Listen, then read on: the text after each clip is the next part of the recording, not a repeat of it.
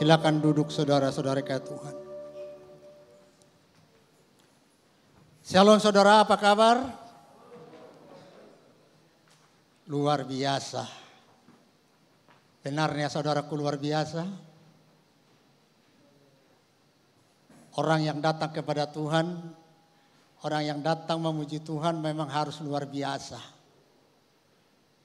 Biarpun kita menghadapi ada goncangan, pun kita menghadapi segala tantangan, tapi kita mengatakan, kita katakan sungguh luar biasa bahwa Tuhanku sangat ada mengasihi aku. Inilah yang Tuhan yang kita katakan kepada Tuhan supaya Tuhan. Sebab apa saudaraku? Orang benar tidak pernah ditinggalkan oleh Tuhan. Orang yang benar tidak pernah ditinggalkan oleh Tuhan. Justru itu kita mari kita selalu Sungguh luar biasa bahwa Tuhanku yang selalu menyertai aku. Inilah yang selalu kita ucapkan kepada Tuhan. Kalau itu yang selalu kita naikkan kepada Tuhan, Tuhan mendengar. Sebab apa saudaraku? Orang yang percaya dan orang yang setia dengan Tuhan, firman Tuhan mengatakan apa? Bukan kurang panjang tanganku memberkati kamu, Aku melihat keadaanmu dan aku mendengar seruanmu. Tapi apa menghalangi kita menerima berkat daripada Tuhan? Adalah ini maaf kesombongan kita. Berkat itu sudah mau diulurkan Tuhan bagi kita tapi kita selalu membangkang. Melawan. Justru itu tidak sampai kepada kita berkat itu. Sebab dikatakan bagi kita orang tidak orang benar tidak ber, pernah ditinggalkan oleh Tuhan. Satu tujuan kita datang ke gereja adalah untuk menenangkan Tuhan. Untuk memuji-muji dan menyembah Tuhan. Itu tujuan utama kita datang ke gereja. Justru itu kita serahkan hidup kita tangan Tuhan. Dikatakan gini, aku datang Tuhan untuk menenangkan hatimu. Engkau berkuasa di dalam kehidupanku. Supaya aku dapat memuji dan menyembah engkau. Aku dapat mendengar firman Tuhan yang disampaikan oleh hambamu. Kalau kita buka hati kita saudaraku dengan itu kita katakan kita bisa kita tangkap. Kita terima setiap apa yang Tuhan sampaikan bagi kita pada siang hari ini. Kalau ingin kita berbahagia, kalau ingin kita penuh sukacita, kalau ingin kita pulang dari tempat ini membawa damai sejahtera daripada Tuhan. Saudara kata Tuhan buka hatimu. Dengan sungguh-sungguh menyembah dan memuji Tuhan. Sebab itulah yang dihadap. Itulah yang didengar oleh Tuhan daripada kita. Di situlah turun berkat bagi kita. Amin. Terlebih di hari Pentakosta yang ketiga ini. Benar-benarlah kita menanti kedatangan Kristus bagi kita masing-masing. Puji nama Tuhan saudaraku, firman Tuhan bagi kita, mari kita buka firman Tuhan daripada Mazmur 37 ayat 25 sampai 26. Dikatakan di situ saudaraku mari kita tangkap dan kita dengar apa yang Tuhan katakan melalui apa yang sudah diterima oleh Raja Daud. Dan dia bersuka cita berbahagia. Mari katakan ini bagi saudara dan saya. Dahulu aku muda, sekarang telah menjadi tua. Tetapi tidak pernah kulihat orang benar ditinggalkan atau anak cucunya meminta roti. Waktu muda pun Daud menenangkan hati Tuhan. Sampai dia tua selalu menenangkan hati Tuhan. Bahkan cucu-cucunya dilihat bersuka cita. Tidak ada menjadi pengemis. Tapi selalu Tuhan memberkati mereka. Ini yang Tuhan katakan bagi kita hari ini saudaraku supaya kita mengadari segala kebaikan Tuhan di dalam kehidupan kita. Bahwa begitu besar kasih Tuhan bagi saudara dan saya. Kita diingatkan oleh Tuhan supaya kita lebih sungguh-sungguh datang kepada Tuhan. Kita serahkan hidup kita dengan Tuhan. Yang jangan kita menjadi main-main lagi ke hadapan Tuhan. Amin saudaraku. Amin saudara. Ini Terlebih di sini banyak saya lihat mulai tadi pagi sampai kedua dan ketiga banyak anak-anak muda. Waktu muda berikanlah hatimu kepada Tuhan. Layanilah Tuhan dengan segenap hatimu apa yang dirasakan oleh Daud. Sampai dia Tuhannya melihat cucu-cucunya datang untuk melembah memuji Tuhan. Apa beda Daud dengan kita saudaraku? Tidak ada. Tapi itu Daud memberikan hatinya bahwa dia percaya Tuhan selalu memelihara hidupnya. Bahwa dia percaya selalu memelihara keadaannya. Ini yang Tuhan katakan saudaraku supaya kita percaya dengan Tuhan. Sebab ayat 26 dikatakan, tiap hari ia menaruh belas kasihan dan memberi pinjaman dan anak cucunya menjadi berkat. Orang yang diber, selalu datang kepada Tuhan, orang yang sungguh-sungguh datang kepada Tuhan akan menjadi diberkati, akan memberikan pinjaman. Maka dikatakan anak cucunya menjadi berkat. Oh sungguh luar biasa. Sungguh luar biasa. Apa yang dilakukan oleh Daud? Anak cucunya merasakan. Anak cucunya merasakan berkat-berkat yang diterima. Jadi supaya kita saudaraku kita sebagai kita yang percaya dengan Kristus yang kita kita bayangkan bagaimana penderitaan Yesus. Tidak tahu saudaraku. Dia datang ke dunia ini menjadi manusia. Tapi hanya dagingnya manusia. Tapi hidupnya adalah Tuhan. Dari mana kita tahu? Waktu dia di dunia ini. Sesudah dia diurapi oleh Tuhan sudah berumur 30 tahun. Ia dipakai Tuhan yang luar biasa. Tapi ada ini sebelum ia sampaikan. Mulai dia baru umur 12 tahun sampai 30 tahun nama Yesus tidak ada di Alkitab. Tapi sesudah dari 12 tahun baru itu 30 tahun baru ada timbul namanya kembali. Kenapa saudaraku masih ada kemanusiaan itu belum dia dipakai oleh Tuhan. Tapi sudah dipakai oleh Tuhan dia ada manusianya ada Tuhan. Buktinya waktu manusia dia masih bisa dia menjaga mujizat. Yang lumpuh berjalan, yang buta melihat, yang yang mati bisa hidup, banyak mujizat-mujizat beri ke Tuhan bagi kita supaya kita menyadari pengorbanan Tuhan sungguh besar bagi orang yang datang kepada dia. Justru itu Tuhan mengingatkan kita melalui apostol Paulus. Di Ibrani 13 ayat 5 dikatakan bagi kita. Supaya kita lebih memahami segala kerinduan Tuhan di dalam kehidupan kita hari-hari ini. Janganlah kamu menjadi hamba uang dan cukuplah dirimu dengan apa yang ada padamu. Karena Allah telah berfirman, Aku sekali sekali tidak akan membiarkan engkau dan aku sekali sekali tidak akan meninggalkan engkau. Ini janji Tuhan bagi kita. Kalau kita selalu benar sungguh-sungguh melayani Tuhan. Tidak kompromi kita dengan dunia ya atau mata uang. Firman Tuhan mengatakan sekali-sekali tidak akan meninggalkan kamu. Selalu aku bersama-sama dengan kamu. Selalu aku memimpin kamu, menuntun kamu ke mana pun kamu melangkah. Aku ada bersama-sama dengan kamu. Ini yang Tuhan katakan supaya kita lebih memahami cinta kasih Tuhan bagi saudara dan saya.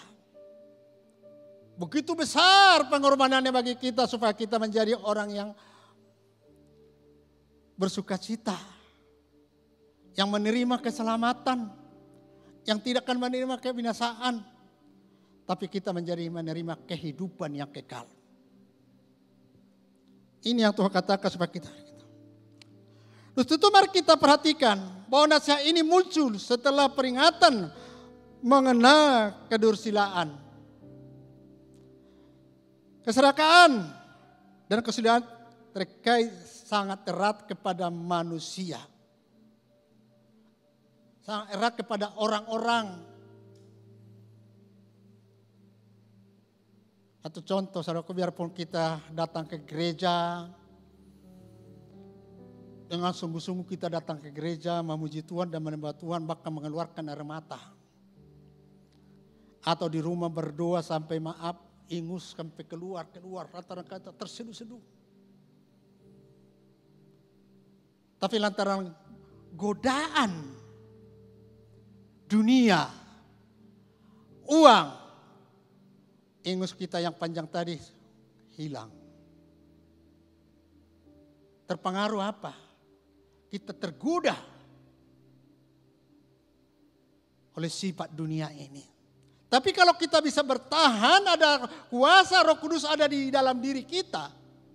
Kita akan, eh, uang hanya daripada aku bukan itu membuat aku menerima keselamatan. Baru benar-benar Allah Kristus di dalam kehidupan kita. Amin. Benar-benar Allah Kristus dalam kehidupan kita. Sebab apa saudaraku? Terlalu sering kita akan kelimpahan harta. Cara jasmani. Kemewahan. Serta keinginan daging kita tidak henti-hentinya kekayaan membuka peluang untuk berjerumus dalam dosa-dosa yang tidak kita sadari. Nah, uang kita terjerumus, kita dosa yang tidak kita sadari. Tapi hari ini kita diingatkan oleh Tuhan saudara-saudaraku. Supaya kita menjaga diri kita yang kita dipengaruhi itu, tapi kita pengaruhi ada Tuhan. Kita datang ke gereja, kita memuji Tuhan, menyembah Tuhan di rumah, bukan kita mencari yang di dunia, tapi kita cari adalah yang di surga. Amin. Kita cari adalah di surga. Justru itu kalau kita cari yang di surga, tadi dikatakan tidak akan dipermalukan saudara-saudara, selalu menjadi berkat. Tuhan cukupi segala keperluan-keperluanmu tidak akan dibiarkan kamu menderita. Sebab dia malu. Tuhan malu kalau kita menderita. Kalau kita sungguh-sungguh datang kepada Tuhan. Malu dia. Oh anak-anakku yang sudah menyembah dan memuji aku kok, kok enggak aku berkati dia ya. Kok enggak aku berikan sukacita, kok enggak aku berikan kebahagiaan. Bahkan kehidupannya kok enggak aku berikan. Tuhan malu kalau kita miskin. Tuhan malu kalau kita miskin. Tuhan selalu mau memberkati kita, berkatakan kurang bukan kurang panjang tanganku memberkati kamu. Bukan kurang tajam pendengarku mendengar suaramu, bahkan kurang terang mataku melihat keadamu, tapi adalah kebang durhaka kita, kebebalan kita, melawan kita kepada Tuhan. Sebab orang-orang Kristen ini saudaraku selalu mengatur Tuhan. Tuhan berkati aku. Tuhan anak-anakku pulihkan. Sembuhkan anakku Tuhan. Bahkan kita katakan apalagi ibu-ibu. Lebih baiklah aku sakit daripada anakku. Padahal kalau sakit ibunya apa yang siapa yang ngurus? Lantaran apa cintanya kepada anaknya? Amin. Tuhan kita Yesus Kristus lebih dari itu. Sudah dia menerima, menerima penderitaan dan kesusahan itu. Dia terima. Justru itu saudaraku kita diingatkan kita kembali selalu tuh. Datanglah kepadaku. Pujilah aku.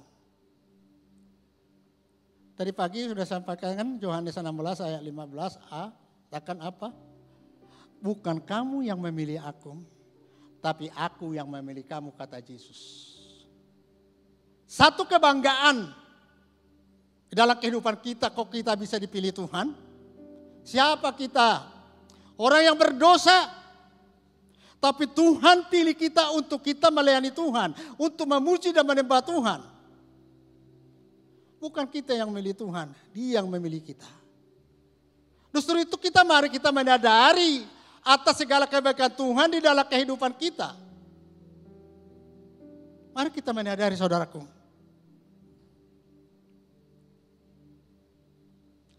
Jangan gara-gara kelimpahan kita menjadi lupa dengan Tuhan. Jangan gara-gara kita sudah banyak harta benda kita, kita lupa kepada Tuhan. Tapi waktu kamu diberkati oleh Tuhan, mari kamu lebih sungguh-sungguh datang kepada Tuhan. Akan Tuhan diberikan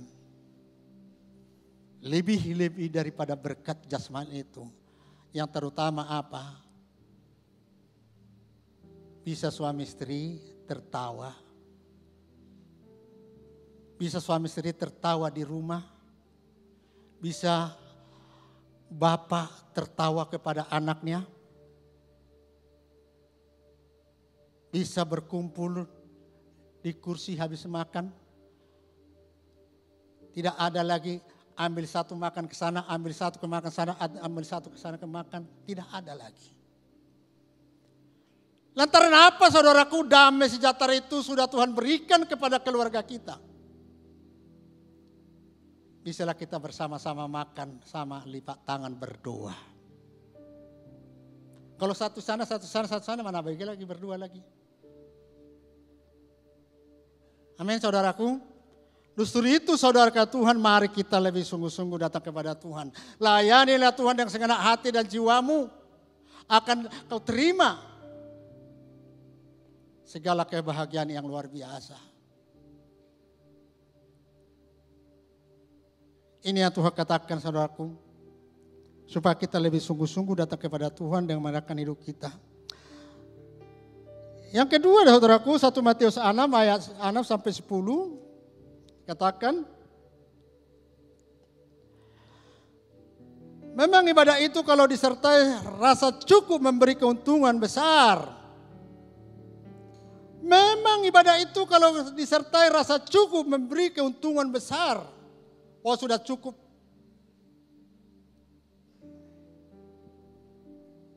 Ada gini saudaraku, waktu di, di Simpang Lima gereja ini dulu ada dulu satu pengusaha yang luar biasa datang dari Singapura memberikan seminar itu dan dikatakan gini Tuhan cukuplah berkat jasmaniku udah, aku udah kaya.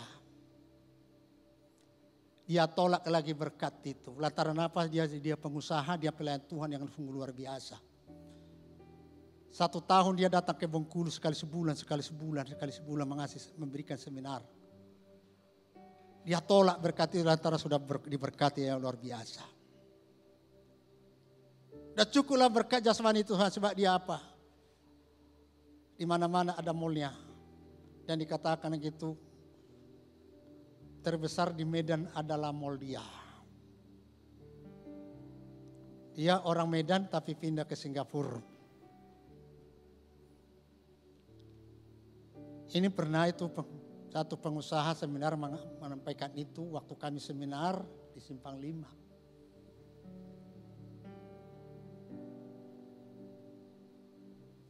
Kalau kita masih kekurangan, amin. Kalau kita masih kekurangan, tapi dalam kekurangan itu kita mari kita minta kepada Tuhan, tapi kita puji kesempatan dia. Sebab apa? Yang diinginkan Tuhan daripada kita apa saudaraku? Enggak gitu berat, enteng. Puji dan sembahlah aku. Kalau kau puji kau sembah aku, akan kamu bahagia. Kita tahu waktu dia sesudah bangkit dari kematian dikatakan kepada murid-muridnya, damai sejahtera bagimu. Sekarang pun inilah yang kita terima. Kalau kita memang sungguh-sungguh datang ke terima melayani Tuhan, kita akan datang damai sejahtera itu. Supaya kita adalah Tuhan. Sebab dikatakan itu sebab kita, sebab kita tidak membawa sesuatu apa ke dalam dunia dari kita pun tidak dapat membawa apa yang keluar. Tidak bawa, tidak bisa kita bawa apa-apa yang kita dua kali minggu tadi saya tanya tadi, yang pertama kita datang ke dunia ini apa yang kita dapat?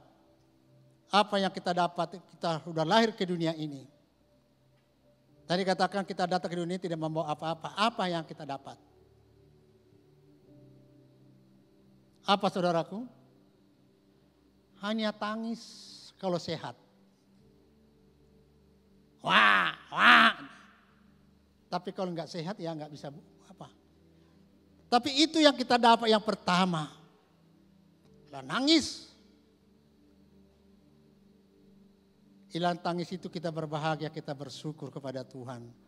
Oi sehatnya anakku. Terima kasihlah Tuhan katanya. Iya Tuhan katakan. Jadi supaya kita percaya bahwa Tuhan itu ada bersama-sama dengan kita. Sebab dikatakan ayat 9, tetapi mereka yang ingin kaya terjatuh ke dalam percobaan, ke dalam cerah dan ke dalam berbagai-bagai nafsu yang hampa yang mencelakakan, yang mencelakakan manusia di dalam keutuhan dan kebinasaan. Ini yang selalu didapat Tuhan. Banyak yang kita, kita dengar ya di Facebook, ini, apalagi yang terakhir ini, SLN dua perpajakan yang kaya, lebih kaya daripada Menteri Keuangan. Inilah yang selalu mau ingin kekayaannya itu mau ingin diharga, diapa di dunia ini. Tapi kalau orang yang takut akan Tuhan, yang sungguh-sungguh akan Tuhan, itu harta itu akan berlalu. Tidak akan kita bawa kembali itu, tapi sudah tinggal itu. Sebab dikatakan saudaraku karena akar segala kejahatan ialah cinta uang. Kalau saya tanya semuanya semuanya cinta uang, amin. Gak ada yang gak cinta uang. Tapi jangan uang itu yang mengatur kita. Kitalah yang mengatur uang itu. Tak mungkin kita berjalan kalau tidak ada uang. Tak mungkin kita mau kendaraan tidak ada uang membeli minyak. Tapi jangan uang itulah yang mengatur kita. Kitalah yang mengatur uang supaya kita selalu ada Tuhan. Sebab oleh memburu uanglah beberapa orang telah menimpang dari iman dan meniksa dirinya dengan berbagai-bagai duka. Gara-gara uang lah menjadi meniksa dirinya. Amin. Banyak. Tadi sudah saya saksikan, saudaraku, saya masih waktu sekuler di Bengkulu ini. Saya bekerja di perusahaan.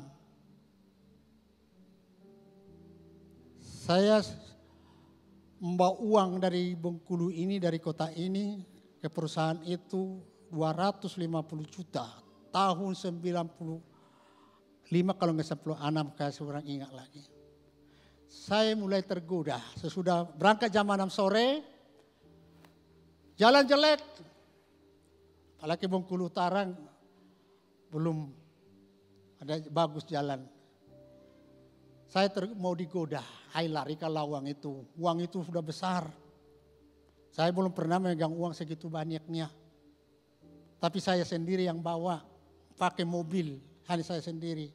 Sampai di tengah jalan, sampai ke lain saya masih gejolak hati saya. Tapi bayangan anak-anak saya dengan istri saya saya lihat. Berapa lama lah nanti uang ini bertahan sama saya. Ada polisi, nanti dicari saya ditangkap. Dan berapa banyak orang karyawan yang menerima gaji yang kubawa ini nanti mereka tidak menerima gaji. Itulah yang saya bergejolaklah hati saya.